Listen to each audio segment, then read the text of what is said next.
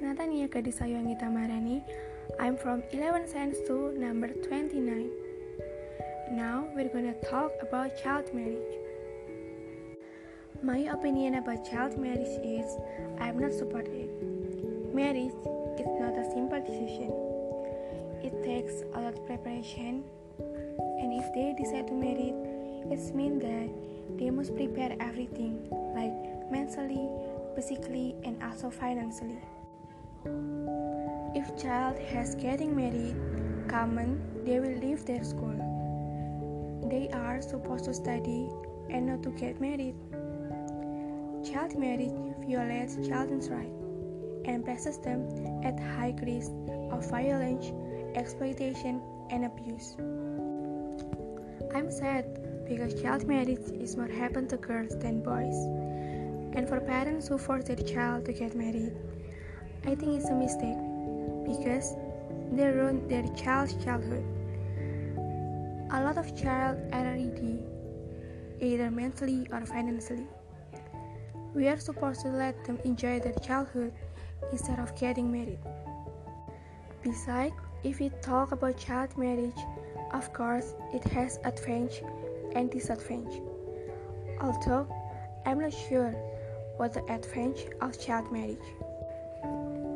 For me, the advantages of child marriage are they can developing together and grow together. But child marriage has a lot of disadvantages like low education, domestic violence, mental and physical health problems, and girls under 15 are five times more likely to die in childbirth. But many families also believe that marrying off their daughters young is remedy for the social stigma against premarital sex among women and girls, including sexual abuse. I cannot agree with that. It's true, we should avoid premarital sex but not with a child marriage.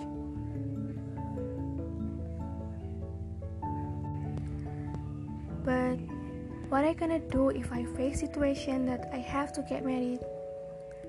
Honestly, I cannot imagine if I must face situation that I have to get married in young age. But it depends on my situation. If my parents ask me to get married, I'll refuse and tell them the reason why I refuse it. Last, we have to end child marriage. There's some solution to prevent child marriage.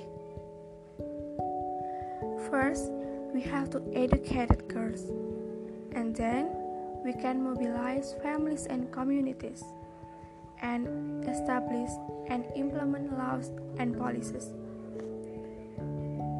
Thank you.